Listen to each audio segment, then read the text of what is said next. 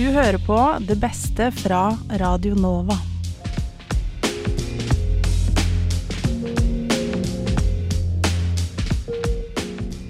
Hei og velkommen til det beste fra Radio Nova. Mitt navn er Stian Henriksen, og det er jeg som har den glede av å bringe inn litt spennende folk fra rundt omkring på vårt kjære mediehus inn i studio i dag. Vi skal få høre litt om fisketurer, og ikke bare det, men vi skal også ta turen innom eh, frysebokser, og sist, men ikke minst, høre om den store komme ut-dagen. Det er bare å glede seg til en halvtime med gode innslag og artig behind the scenes-info.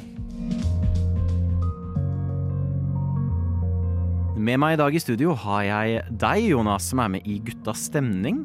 Det stemmer det. Veldig hyggelig å få være med. For de som ikke har hørt på Guttas stemning før, vil du gi en kjapp liten forklaring på dette programmet? Ja, vi er jo, som vi liker å omtale oss selv, Radio Nova sitt feministiske alibi. Ja. Så det er eh, Vi er jo et program av og for gutta, holdt jeg på å si, i veldig vid forstand, må sies. Så vi Nei, vi liker å ha varierte sendinger. Vi liker å kunne kødde, vi liker å kunne være seriøse, gjøre litt som vi vil. Og deriblant også å kunne dra på fisketur. Ja, ikke sant? For nå skal vi da mimre litt tilbake til eh, noen uker siden. Eh, nærmere sagt uke 41. Der Romerriket var på alles uh, huer. Um, du, du, du kunne ikke gå en meter, kunne du vel, uten å bli spurt om hvor ofte tenker du på Romerriket? Ja, det var jo en, eh, det var en farsott som kom og gikk, det der. Men eh, så må det sies da at selv om denne, si, denne episoden ble sluppet da i uke 41, var det ikke det? Jo, stemmer. Så ble den jo ikke spilt inn uke 41. Eller det er mulig det ble spilt inn uke 41, men det ble da i fjor. Ja. I høst 2022. For dere ga jo da ut et eh, innslag som har vært eh, sterkt uh, ventet på av alle fan av guttas stemning. Nemlig denne fisketurinnslaget deres. Dere hadde en hel spesial der dere var på fisketur. Jeg syns det er et aldeles nydelig innslag hvor du sitter og hører dere prate veldig rolig og behagelig, samtidig som du hører litt sånn skvulping fra båten. Eh, og jeg, jeg er litt nysgjerrig på hvor kom ideen fra til å ha dette fisketur, uh, denne fisketurspesialen? Nei, akkurat hvor den kommer fra er jeg ikke helt sikker på, men det er noe vi har tenkt på ganske lenge. Rett og slett fordi vi syns bare det hadde vært eh, At det hadde vært en kul idé å bare liksom ta med seg opptaker ut. Og ta opp litt når man gjør da innenfor rammeprogrammet litt sånn stereotypiske sånn gutta eller mandige ting å gjøre. Eh, så fisketur kom da ganske naturlig. Gerhard er veldig glad i å gå på fisketur. Jeg er også ganske glad i å være ute. Generelt kan jeg være på fisketur. Så da, i fjor høst, så planla vi rett og slett bare å gjennomføre da en kombinert hyttetur og fisketur. Ta med opptaker. Og så gjorde vi rett og slett bare det. Hvordan, eh, hvordan gikk det? For uh, man skal alltid være stille når man er ute og fisker. Uh, hvordan er det da å prøve å kombinere radio og fisking? Al- Altså Jeg må innrømme, jeg var jo ganske spent på hvordan dette her kom til å bli. Fordi vi gjorde det rett og slett veldig enkelt. Vi tok bare med oss en opptaker. Vi ordna ikke med noe, det var ikke noe for noen eksterne mikrofoner eller mygger. eller et eller annet. Vi bare tok med en opptaker. Hadde den med oss, skudde den på. Tok den med oss ut, la den i båten, og så bare var vi på fisketur. Så vi tenkte egentlig å prøve å bare ha en mest mulig naturlig eh, atmosfære. Vi bare gjorde ting helt vanlig, som om det var en vanlig tur. Uten at vi skulle lage noe opptak eller noe ut av det i det hele tatt. Og så var jeg spent på om det faktisk kom til å funke. Og litt varierende lydkvalitet. det må sies eh, i løpet av helga. Men jeg ble positivt overrasket over eh, totalen. Ja, det må jeg si. Eh, Vi skal høre på innslaget om ikke altfor lenge, og det er, det er en utrolig behagelig lyd, den der skvulpinga i båten. Jeg føler det er sånn en sånn YouTube-video du kan finne, finne som er sånn White noise eh, to sleep to, og så er det bare sånn rolig båtscrooping. Eh, fantastisk i bakgrunnen der. Og så har vi jo dere to som sitter og skravler i vei samtidig som dere fisker. Eh, ble det noe fisk? Ja, hvis du ønsker å finne svar på det, så må du nesten bare høre på hele episoden. Ja. Det er jo som vi sier, det viktigste med å være fisketur er jo å være på fisketur, ikke det å få fisk. ja. Det kan jeg støtte. Eh, Ikke at vi ikke oss- fikk fisk, det sier jeg ikke noe om. Nei. Det må du høre på for å finne ut av. som en som ikke er så glad i å drepe fisken, så er jeg enig med i hvert fall det du sa der. Eh, og så er jeg selvfølgelig også nysgjerrig på, fordi dette ble tatt opp når, sa du? Dette ble tatt opp i september 2022. Så vi snakker litt over et år. eh, før vi fikk den etterlengtede fiskespesialen. Eh, var det noe vanskeligheter dere møtte på underveis? I, altså, tenker du på selve turen, eller når det kom til eh, å lage episoden etterpå? Ja takk, begge deler. Nei, det å spille inn gikk som sagt egentlig veldig fint. Det mest vanskelige var egentlig at vi hadde jo en periode hvor vi, sagt, vi bare tok opp hele greia, og så bare lot vi det være i bakgrunnen. Så vi tok jo også spilte når vi gikk til og fra vannet. Det var litt utfordrende, å gå liksom på smale skogstier og få til opptak der. Ellers gikk det egentlig ganske fint, altså. Mm, det gjorde det. Ja, men Nydelig. Det bare var et lite sånn hobbyprosjekt på sida? det. Det kan du godt si. Ja, men Herlig, Jonas. Vi skal nå kose oss og høre på da guttas stemning på fisketur. Historisk prippenhet, som du så fint kalte det. Så er det bare for deg, kjære lytter, å bare glede seg. Takk for at du stakk innom, Jonas. Veldig hyggelig å få være her. Jeg har prøvd å tenke på Jeg var på, var på Voss i forbindelse med musikkfaget jeg studerte. Hadde folkesang. Apropos Gråi, så var det Jeg prøvde å komme på den ene folkesangmelodien. For de synger jo om Fader, Gud og hvermann, holdt jeg på å si. Alt mulig er tekstverdig, som Mm. hvis det har skjedd noe gøy. Og da er det ah, Jeg husker ikke hvordan melodien går, og hvilke bygdeord som er tatt i bruk. Men hovedlinja er at når det er dårlig i magen, så må du eh, knyte igjen nikkersen ved knærne, sånn at hvis du driter på deg, så faller det ikke ut. Nei, omvendt. Når, du, når det er dårlig i magen, når du knyter opp, så renner det ned. Og sånn var- oh, jeg må finne den melodien i huet. Den er her et eller annet sted. Men sånne ting her syns jeg er helt nydelig. Fordi jeg føler vi har en eller annen kollektiv forestilling av at folk før var veldig sånn Ikke nødvendigvis konservative, men folk var nærmest sånn prippende. At det var veldig, liksom, sånn, veldig seriøst og veldig Ja, men du får det der, den bonderomantikken. Og i det hele tatt. Men Folk har sett for mye på Downtown Abbey og sånn, vet du. Nei, kanskje ikke, men altså, må at det som er, er at alle kilder gjennom alle skriftlige kilder gjennom hele historien er jo skrevet av en ekstremt liten utdanna overklasse. ikke sant? Som historisk sett har vært ganske konservativ og prippen. Så har du de første runebommene, da. Som er liksom i Norge de første skriftkildene våre. Da er det snakk om at mesteparten av de eh, rundebommene eller eh, hulemaleriene og sånn er eh, snakk om penisstørrelse eller ligget med damer. Det er eh, Jeg syns det er artig hvis du, når de har undersøkt sånn Uh, Eller Had- jeg er Anders. Jo, jo, men det er sånn, altså, hvis du har undersøkt sånn, altså, Hadrians mur i Nord-England Ja. Se hva det er liksom romerne til å skrible en efter. sånn. Det er mye pene tegninger. Det er mye pene tegninger. Og i, um, i Hagia Sofia ja. Der, er det, der var det jo mye vikinger innom i storhetstida. Og så fant de jo på et eller annet oppe et rekkverk ved dette galleriet der, så fant de noen norrøne runer.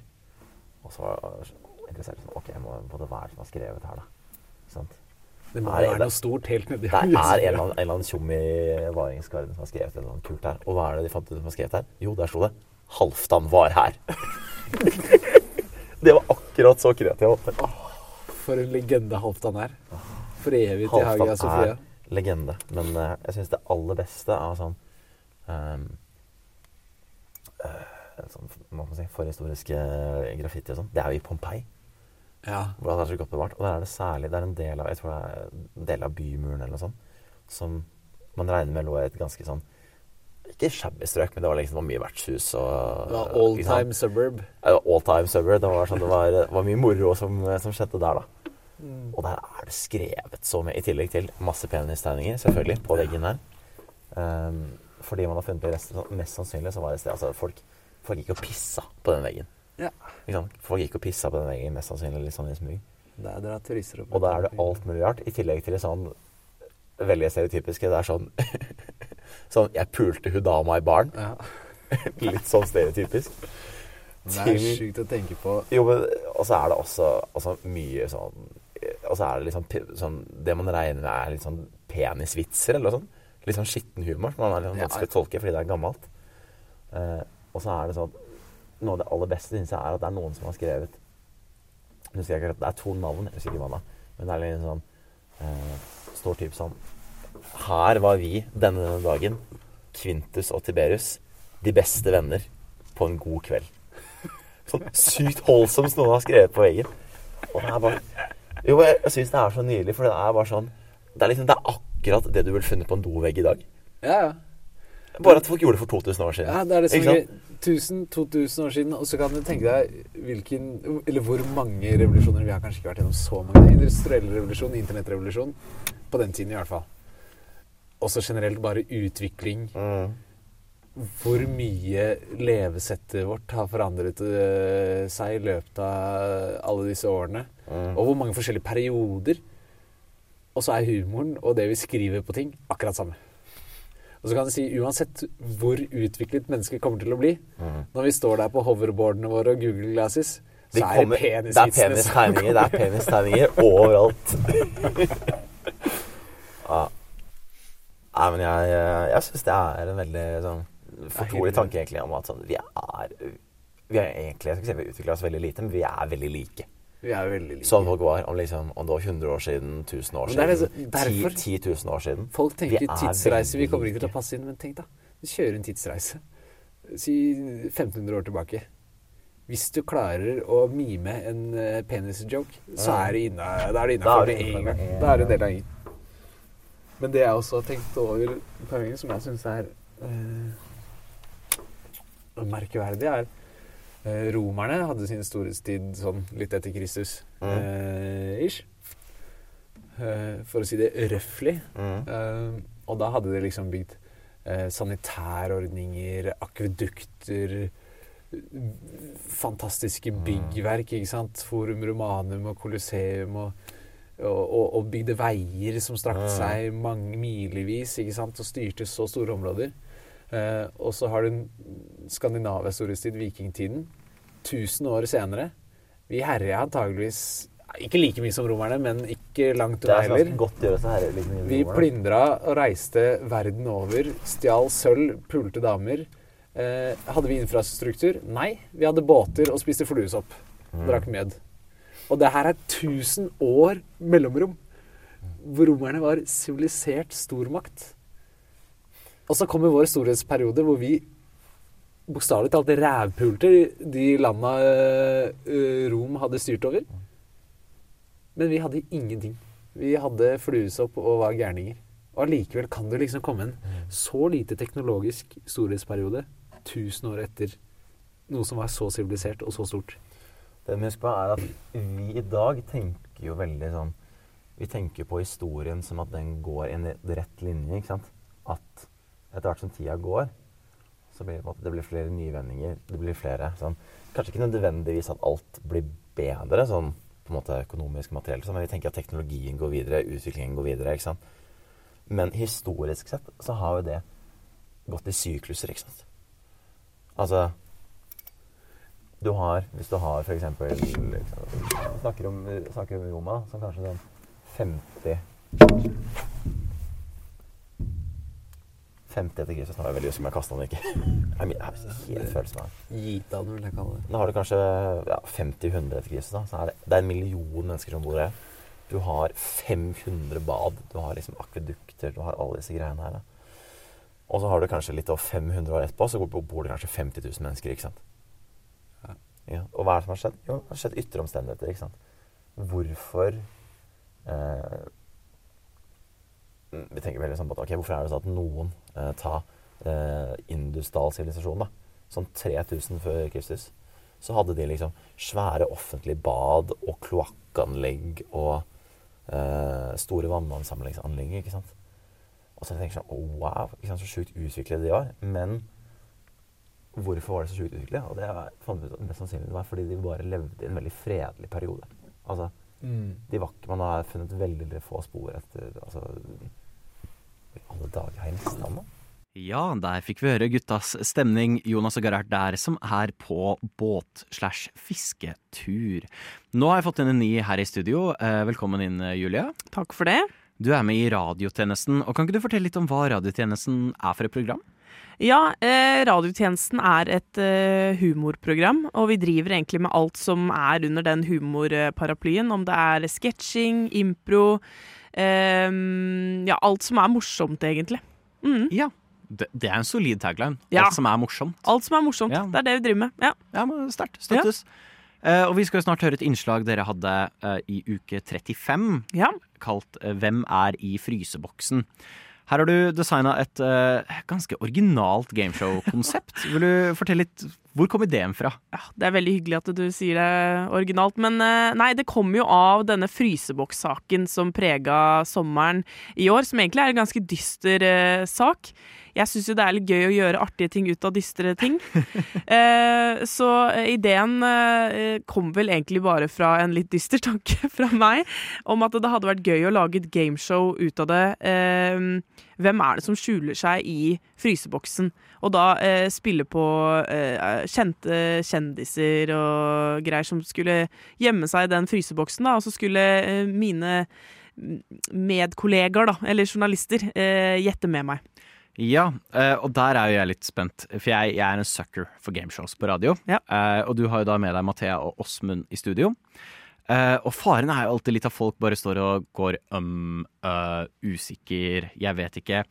Hvordan var prosessen å klare å finne ikoniske lyder av norske kjendiser som det var stor sjanse for at de kom til å forstå hvem var? Ja, jeg prøvde jo først å, å tenke selv, liksom hvilken ikoniske norske kjendiser Fordi da var det, det var det første Nå har jeg ikke gjort det, dette gameshowet på nytt, veldig lyst til å gjøre det. Men da, eh, temaet for første, første episode var um, var norske kjendiser. Da tenkte jeg med en gang hva, hvem er liksom ikoniske norske kjendiser i Norge? Eh, og det er jo da kom jeg på Dan Børge, som alle, ja, alle vet hvem han er, og Atle Antonsen. Ja. Og de har jo også veldig eh, eh, noen kjente ting som eh, de har gjort, som også gjorde at det var de to jeg valgte. Eh, for eksempel Dan Børge har jo den legendariske eh, eh, og nesten virale videoklippet, vil jeg si, av han som er på reportasjetur i et land i Afrika, hvis jeg ikke tar feil. Og så skal han prøve kamelmelk. Og så lager han jo eh, den eh, legendariske lyden, den derre som, som jeg føler veldig mange eh, kjenner seg igjen i, da. Eh, også for eh, Atle Antonsen så er det jo eh, når han var med i um, Ut i vår hage, som er jo et veldig kjent eh, humorshow som var på NRK, hvis man kan si det sånn. Eh, hvor han sier 'Cameloso', som er jo veldig, veldig kjent fra den serien, da. Så, så ja, det var veldig enkelt. Og så bare prøve å gjøre de beskrivelsene av dem så enkle som mulig, for det skal jo ikke være veldig vanskelig. Eh, fordi da blir det jo ikke noe gøy, akkurat sånn som du sier. Mm. Ja. Var det noe som eh, måtte klargjøres, for dette ble gjort på direkten? Ja. Eh, et såkalt stikk. Eh, var det noe du følte du måtte på en måte klargjøre med de andre i studio før du gikk på, eller stoler du såpass mye på teamet? Altså, eh, jeg vet ikke hvor eh, oppdatert de er på nyheter eh, alltid. Altså Sånn som min kjære Åsmund, som jeg er kjempeglad i. Han, eh, Ofte kan eh, ting gå litt sånn hus forbi han, og hvis vi snakker om noe, så er han bare sånn 'Hæ, jeg har ikke fått med meg dette.' Jeg bare 'Dette er det største som skjer akkurat nå'. Jeg vet ikke, Det er sikkert fordi han er i komponistverden, han studerer jo det. Eh, men eh, jeg syns i hvert fall det var viktig eh, å fortelle liksom litt om eh, denne nyhetssaken og hva det dreide seg om. Eh, og, men ellers så tenkte jeg det gikk bra. Ja, Ja. deilig da. Mm. Eh, og så er det jo på en måte det siste jeg er veldig nysgjerrig på. Uh, for jeg antar du ikke stappa for som det, Folk kommer til å høre at konseptet er at vi hører en lyd av en kjendis, uh, og det høres ut som de er stappa i en fryseboks. I, kanskje jeg som bare antar å ta feil, men jeg antar du ikke stappa Atle Antonsen i en fryseboks. Hvordan fikk du til å lage disse lydene? For det første så stappa jeg Atle Antonsen i en fryseboks. Nei, var ikke- Tenk om jeg hadde gjort det. Det hadde vært helt sjukt. Uh, nei, hva gjorde jeg da? Dette, jeg brukte meg selv, altså. Fordi jeg tenker det er jo det enkleste. Man er jo eh, påpasselig her med, med å eh, kanskje ikke mm, Altså sånn bruke lyder og andre ting fra eh, andre medier som man plutselig kan bli tatt for senere. Da. Jeg visste ikke dette. Og da, altså, da, da, jeg hadde også veldig kort tid på å fikse noe eh, til det, fordi det var også en veldig spontan idé jeg hadde. Eh, så jeg brukte egentlig meg selv altså, og prøvde å gjenskape eh, den lyden eh, fra de videoklippene jeg fant eh, av de kjente lydene deres. Oi. Og så prøvde jeg bare å gjenskape det. Og for å lage denne frysebokseffekten, så gikk jeg inn på Multitrack, som er jo vår eh, redigeringsstasjon, holdt jeg på å si. Og så brukte jeg noe som heter eh, Easy Equalizer, som er på en måte eh, noe man kan bruke for å lage litt sånn stemmeforvrengninger og sånn. Så da eh, fiksa jeg og triksa litt på det, sånn at det ble den litt sånn hule lyden av av- Akkurat sånn som jeg gjør nå når jeg tar hendene over munnen Ja. så ble det den hule lyden som det hørtes ut som de var i fryseboksen. Og jeg følte det, det Altså, det, ja, du syns jo det hørtes veldig sånn ut. Effekten blir godt solgt, for Ja. å si det sånn. Ja, men Nydelig. Vi skal nå kose oss med dette, dette gameshowet. Og hvis folk har lyst til å høre med på dette, så burde de absolutt sjekke ut radiotjenesten, eller hva? Ja, Absolutt. Hva skjer, Julia? Hva er det som skjer nå? Jeg vet ikke, dere kan begynne å lure. Hva tror dere kommer til å skje? Wow. Yes. Det er, det er noe spennende. Ja. Er det, skal vi Um, spille inn en film? Nei. Nei. Nei, vi skal Er det actionfilm? Nei, det er ikke det. Er det et gameshow?! Oh my god! Det er et gameshow. Det er et gameshow. Wow. Vi skal spille et gameshow, gameshow som heter Hvem er i fryseboksen? Og da bare lurer jeg på eh, Jeg vet ikke hvor oppdatert dere har vært på, eh, på nyhetssaker i sommer, for man tar kanskje litt pause fra sånt når, man, eh, når, man, når det er sommer. Men har dere fått, dere, fått med dere frysebokssaken? Ja, jeg har fått med meg fryseboksaken. Ja. Eh, litt sånn eh, ulike Ja, det har kommet en gang iblant av og til. Altså nye ting, artikler og Ja, Ja. ikke sant? Fordi eh, ja, det er jo eh, en mann i Sverige som har da lagt samboeren sin i eh, Altså eh, tydeligvis har hun dødd av naturlige årsaker. Mm, vet ikke. Men han har da lagt henne i fryseboksen og latt henne vært der Ja. jævlig lenge.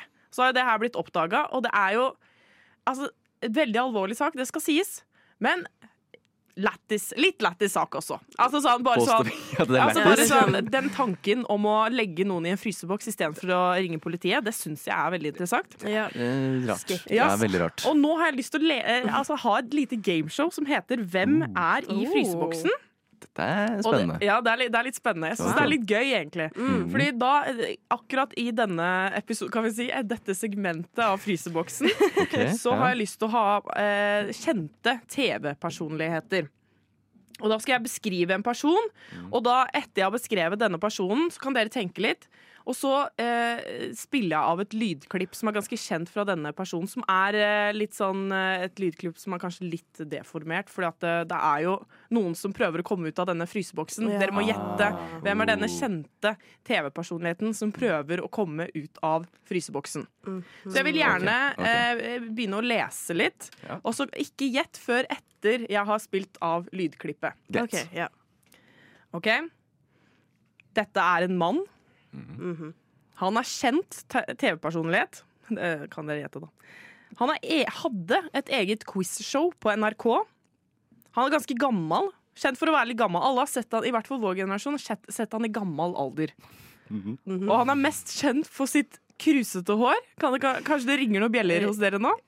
Det Ja, begynner å ringe en eh, Ja. bjelle, kanskje. Det gjør det. Og si. nå, dette lydklippet dere skal høre nå, det er fra et TV-program i eh, Lesotho, Ja. hvor denne personen skal prøve ulike drikkevarer. Da eh, Hørte dere kanskje den lyden? Ja, jeg ja, gjorde det. Ja. kan dere, Har dere et navn i huet? ja. Jeg har det. Skal Tror vi si det dere har samme navn? Vi på likt? Vi kan si det på likt. Okay. okay. En, to, tre. Dan Børge.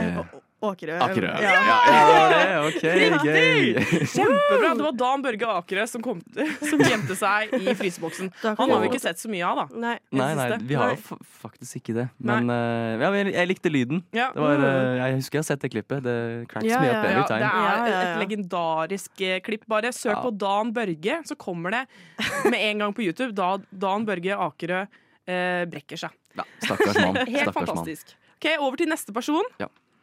Det er en kjent skuespiller. Aha. Mann. Mm. Han ligner på onkelen min. Jeg tok det med bare fordi jeg vet det. At han, han ligner på onkel- onkelen Men. Ja. men det vet ingen. Det vet ikke Men dere. han gjør det. Okay, ja, Han gjør det. Han er litt controversial. Kan begynne å ringe noen bjeller allerede Okay. Men ligner han litt på deg også, siden han er onkelen din? Ja, han har kanskje samme hårfarge. Ja, vel, ok. Ok. Ja. Ja. Ja. Eh, han har spilt i Kong Curling, som er en veldig kjent norsk film. Mhm. Han har egen podkast med en kjent eh, Nytt på nytt-mann. Og dette er lyden fra fryseboksen, som er fra et kjent humorprogram som heter Ut i vår hage. Oi! Ja. Hva kan det være? Og hvem er det for noen? Oi, hvem er det? Ja. Ok, Julia, dette her eh, begynner å Altså, denne quizen er ikke, den er ikke så vanskelig, må jeg si. Jeg, jeg syns du kunne, du kunne, du kunne kunne, steppe opp gamet litt ja. mer, faktisk. Men, men jeg, hvis, vi, hvis vi liker dette, så gjør jeg det gjerne til neste gang. Ja, det kan vi gjøre. Da kan du, da kan du hinte mindre, kanskje. Ja, Ja, det, Ja, det kan jeg gjøre. Kanskje færre hint Færre er mm. saken. Men jeg syns det er veldig gøy. Ja, Jeg husker ja, den sketsjen veldig godt. Mm. ja. Hvem er det? Dere kan jo si det i kor en gang til. Og det er Atle Antonsen. Ja! sant? Kjempebra. Right. Ja, jo, men jeg syns vi leverer bra nå. Ja. Absolutt. Mm. Og så kanskje denne her er vanskeligst, da. Okay, okay, ja. Nå er jeg litt sånn. Jeg tror kanskje Mathea kan den, men jeg vet ikke helt om altså, Åsmund er jo ikke alltid up to date på alt eh, hele tiden. Ja. Nei, det er men det er jo ikke Mathea heller. Mathea bare later som. Å ja. oh, ja. ja. Oh. Men da ser vi. Ja. Ok, Vi skal ikke fram til en spesifikk kjendis, men dette er to veldig kjente navn. OK. Eh, Begge to deltok på et sykkelrenn eh, for barn. Og i ettertid så har det blitt en kjempestor meme. Og den lyden vi skal høre nå, er fra dette sykkeltreffet.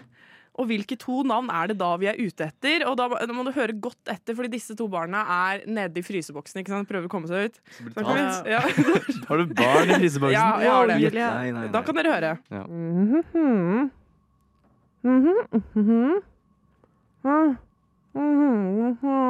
Oi! Oi! Vet du det, Hvem kan det være? Jeg har ingen aning. Ah. Nå, det bare nå hørte jeg ikke ord, jeg hørte bare melodi. Ja, ja, ja. Ja. Men kanskje du vet det, da, Mathea? Ja. Ja. Eh, vi er jo nesten navnesøstre. Ja. Ja. Eh, for det her er Thea, og en person som også heter Thea. Nei, jeg heter Nikolai!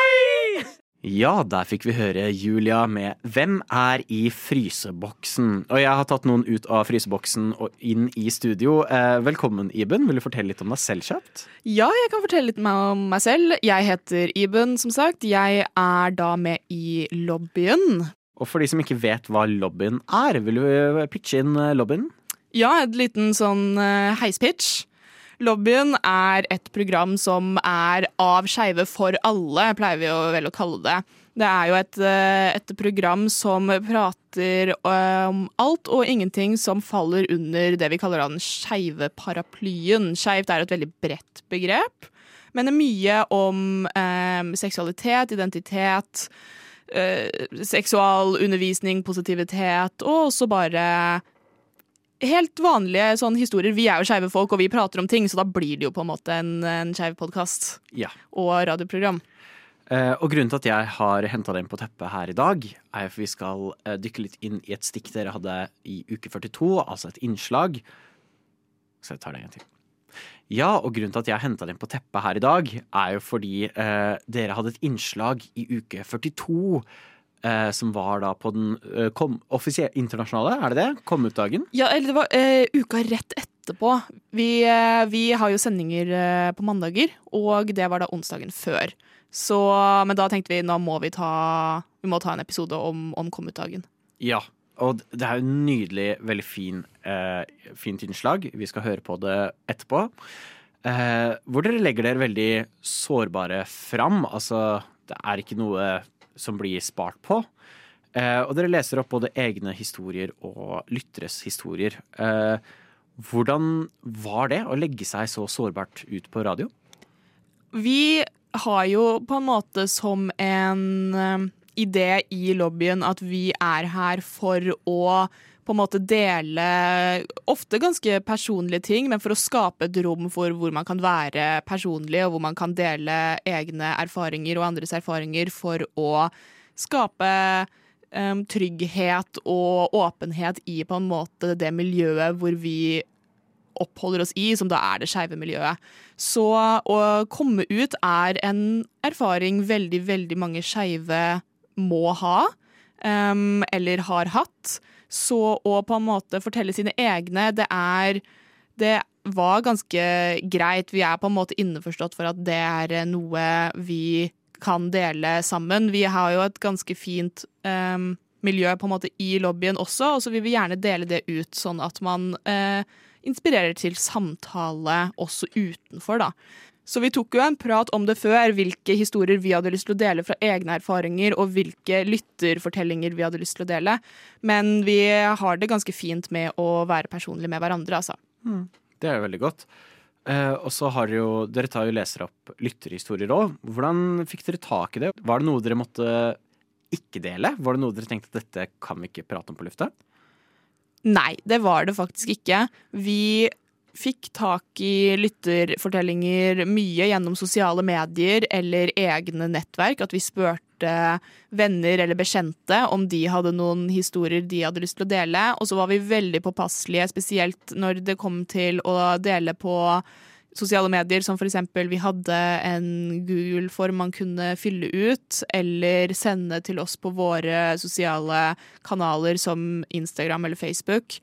Så var vi veldig påpasselige med å gi beskjed til folk at det her skulle være helt anonymt. Så den eneste liksom, den eneste eh, redigeringen vi gjorde, var å Kanskje hvis historien nevnte navn, at vi ikke gjorde det i det hele tatt eller um, stedsnavn og sånne ting. Vi ville at det her skulle være veldig trygt og anonymt, men fortsatt på en måte få fram én opplevelse blant mange, da. Ja. Det eh, Jeg eh, satt jo tårevåt når jeg hørte på det. Jeg syns det er et veldig, veldig nydelig innslag som dykker inn i et veldig sårbart tema. Og det er jo på en måte fint at man beskytter eh, disse historiene. Eh, og du satt jo også i studio med Ilja og Igor. Eh, hvordan eh, fant de det? Eh, For de, de er vel ganske ferske? De er ganske ferske, de er helt nye. Um, jeg tror de fant det ganske fint og interessant. Det var jo um, en ganske på en måte fersk episode for dem også, men de fant det ganske fint, både planleggingen i forhånd og prøve å finne um, historier fra lyttere eller venner, og å, å lese opp. Um, så i ettertid så har vi jo prata om det, og de synes at det gikk utrolig, utrolig fint. Så det er veldig fint også å ha den opplevelsen, da, og gi den opplevelsen til nye lobbyister, som vi kaller det, og ha de med på hele, um, hele planleggingen og gjennomføringen, og prate om det etterpå også. Nå skal vi jo straks få høre dette innslaget, men først så må jeg så spørre eh, hvis du har et godt tips til noen som sitter der ute, er usikre på sin egen identitet, er kanskje questioning, eller på en måte vet, men tør ikke helt å gå ut i verden med det. Er det noen gode tips fra lobbyen? Jeg ville sagt eh, søk etter eh, samhold og miljø. Hvis du, hvis du bor i Oslo, da, for eksempel, så finnes det mye du kan, du kan gjøre. Um, enten det bare er å oppsøke informasjon på nett, om det er gjennom å høre på oss på lobbyen og kanskje sjekke om du kjenner deg igjen i noe, eller eh, litt mer på en måte faktuelt eh, informasjon, f.eks. fra FRI eller Skeiv Ungdom hvis du er litt yngre. Eh, PKI, f.eks. hvis du lurer på kjønnsidentitet. Så ville jeg sagt oppsøk informasjon og oppsøk samhold og spør spørsmål. Det var nydelig Og sjekk ut lobbyen. Og sjekk ut lobbyen. Tusen takk, da skal vi kose oss med veldig, veldig fint innslag. Her er lobbyen med Komme ut-historier. Jeg, Iben, eh, Ilja nå, nå ble det nesten Iben Iben 2 her. Det er vanskelig med, med korte navn som starter på I. Ja, og som også er eh, kjønnsflytende. Som også er kjønnsflytende. Vent, hvor mange, hvor mange bokstaver er det, Ilja? Fire. Ja, det er de jævla kjønnsflytende fire bokstaver-navnene, altså. Det er, det, ja, men det, er, det er en ting. Det er en ting. Iben, Ilja. Igor, du, du er jo ikke ikke-binær, men du har også et navn med fire bokstaver. Ja, det har jeg faktisk. Ja, ikke sant? Så her har vi masse til felles. Det vi også har til felles, smooth transition, er at uh, vi har alle et eh, forhold med å komme ut. Og det er nettopp temaet her på lobbyen i dag. Vi snakker om komme ut i anledning eh, Coming Out Day. Vi fant vel ut at den var amerikansk national, og har gjort den international nå ved å ta den med hit til, eh, til Norges land. Um, og snakker om å, å komme ut som skeiv.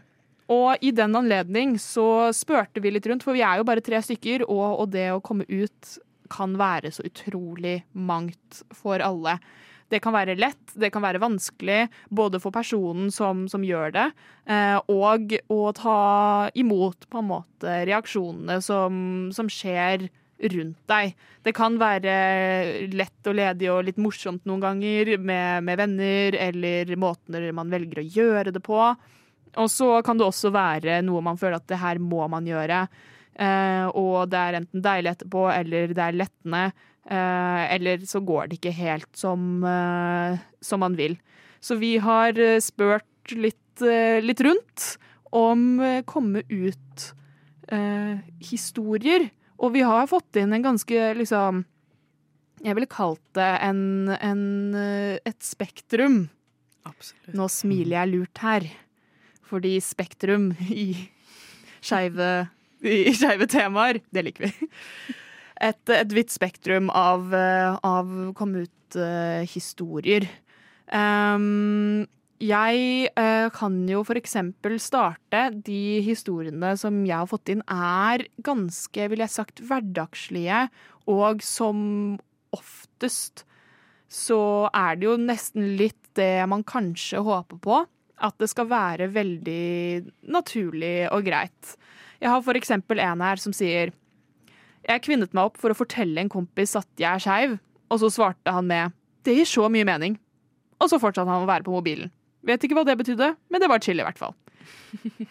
Det er jo ganske grei Det er veldig, veldig fint og naturlig, det. Syns du ikke det? Jo, jeg syns egentlig det er en skikkelig fin reaksjon. Sånn, det å få lite reaksjon på det, hadde jeg synes er nydelig. Fordi da er det sånn OK, det er liksom, det er helt chiller'n. Det, det, det er ikke noe stress for meg at du er det. Og jeg, jeg hadde likt en sånn reaksjon. Sånn ikke noe sånn Å ja, uh, uh, uh. Bare sånn OK, nice, da vet vi det.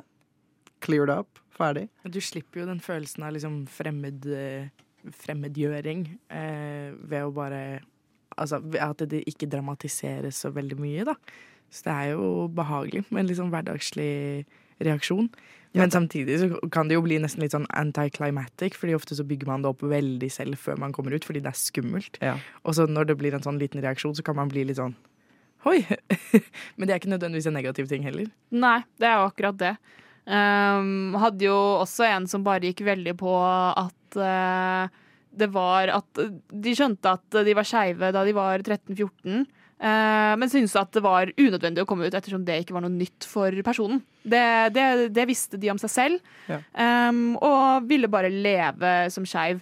Og, men så var det jo da i ettertid at eh, de kun hadde snakket med moren sin om å, om å like jenter, og resten av familien hadde jo ingen anelse, for de hadde ikke liksom tenkt å snakke om det. Så da, da de begynte å ta med seg jenter hjem fra, liksom, på familiebursdag og sånn 'Å, dette er kjæresten min', ikke sant? Så var alle litt sånn Hva?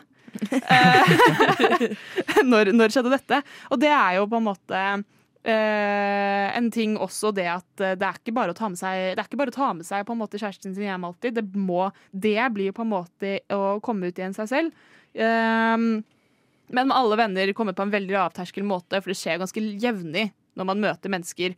Så man nevner at man har kjæreste og bruker visse pronomen på dem, og så Eller bare sier at man er homofil, liksom. Um, så eh, det, Men det er noe seksualitet, og så skriver de også kjønnsidentitet. Da er jeg veldig selektiv med hvem jeg kommer ut til, og det er stort sett bare andre transpersoner.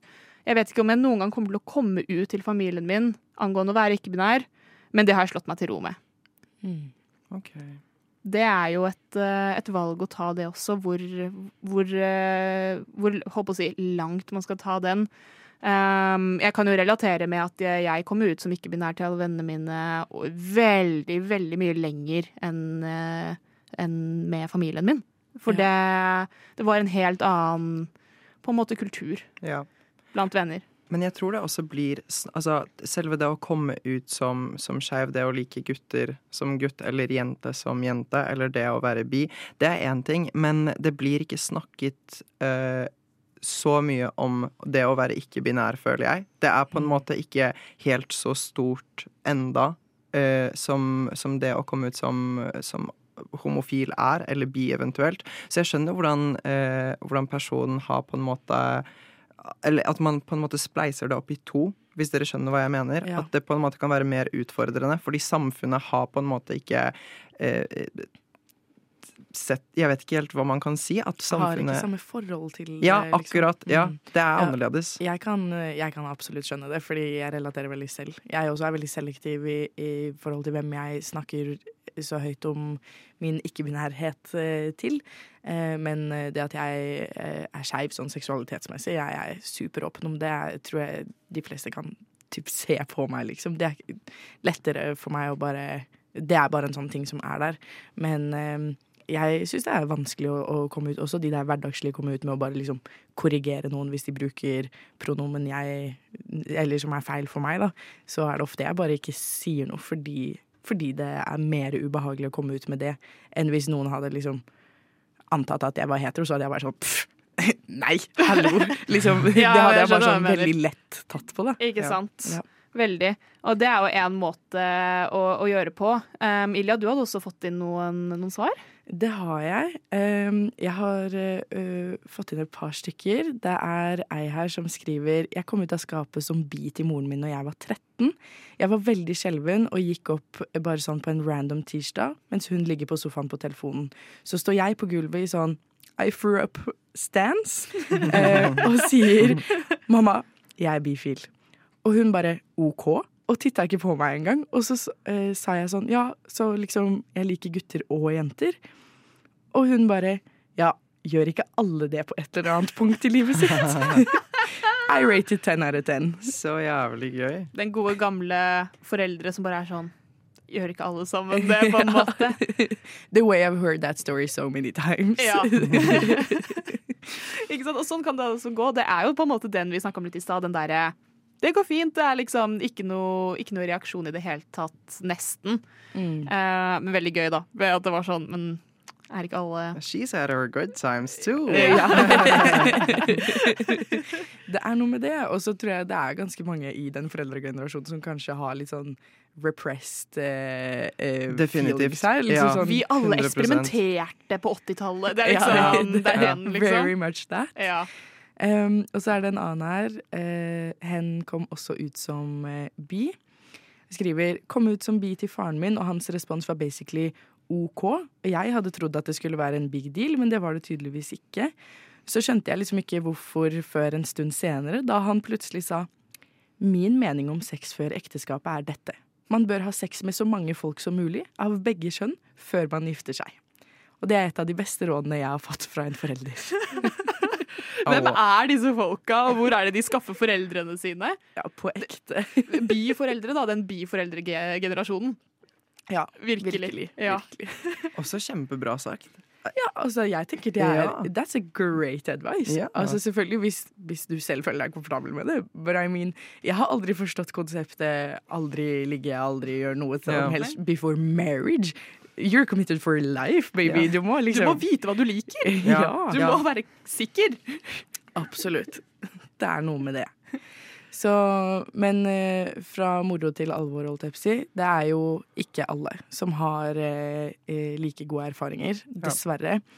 Jeg har eh, ei som skrev her til meg eh, om det å, å komme ut. Hadde veldig sånn casual coming out. Det gikk veldig sånn gradvis. Eh, først en mamma, først en pappa, så en venn, og så en søster, og så var, ikke sant? Sånn som vi mange ofte gjør. Den derre samle hele familien og alle du kjenner, eh, komme ut-greia er jo litt sånn eh, drømmescenario Eller vel, drømmescenario er det kanskje ikke, men eh, litt sånn utopisk å tenke at du klarer å bare si det til alle en gang og slippe å gjøre det utallige ganger etterpå. Eh, men som eh, skriver videre at eh, det egentlig var ganske vanskelig. Eh, hun fortalte det blant annet til sin tidligere bestevenn og endte opp med å bli fetisjert. Og også det konseptet av å liksom ha en sånn gay best friend ble Ja. veldig fetisjert Ja. av denne vennen. Ja. Mm. Em, som var eh, vanskelig for henne da. Og så skriver hun at uh, hun merka at hun syntes det var ekkelt, uh, og like etter så visste plutselig hele skolen em, at hun var uh, bifil. Og da var hun med en gang stempla som den homofeministen med blått hår. Ja. Hun ble aldri direkte mobba for det. men opplevde at folk hadde stempla meg veldig, og at jeg, alt jeg sa ble liksom knytta tilbake til seksualiteten min, which was weird. Og så skriver hun videre at eh, å komme ut var utrolig viktig for meg på den tiden. Det, stor, det var en så stor del av identiteten min, og jeg var så stolt av det.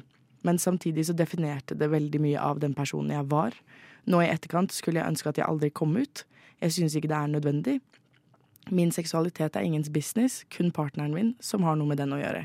Jeg har kommet ut tusen ganger fordi seksualiteten min forandra seg mens jeg som menneske har utvikla meg, så nå sier jeg bare at jeg er skeiv.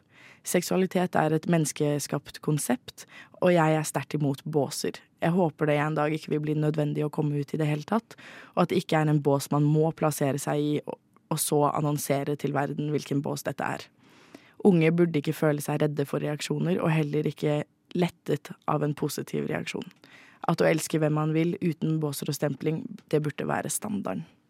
Det var kjempefint sagt. Det er utrolig, utrolig Ja. godt skrevet. Mm. Og det er jo mye av kritikken som blir retta mot dette å komme ut, og også mot dette å ha en komme ut-dag. Hvorfor trenger vi en komme ut-dag? Hvorfor trenger noen å komme ut i det hele tatt om eh, enten det gjelder seksualitet eller kjønnsidentitet. Eh, og som, som de skriver, så er jo det at man må på en måte definere seg selv så kraftig, og i hvert fall for unge skeive som er eh, Si i starten av eh, ungdomsskolen, for eksempel, og så som, som også ble skrevet her, komme ut flere ganger fordi man forandrer seg i løpet av Mm. livet.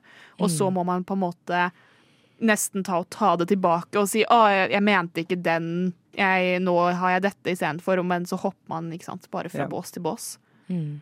Uh, er jo utrolig uh, vanskelig ofte. Mm. Ja. Ja, det kan være utfordrende. Fordi man, man vokser jo som et menneske, og ting endrer seg, sånn som uh, vennen din sier.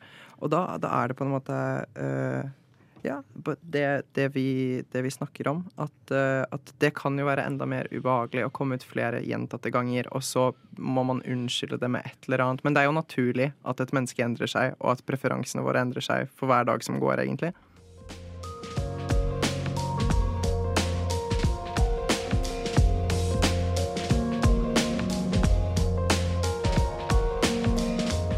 Du har hørt på en podkast fra Radio Nova. Finn flere podkaster på din foretrukne podkastavspiller eller radionova.no.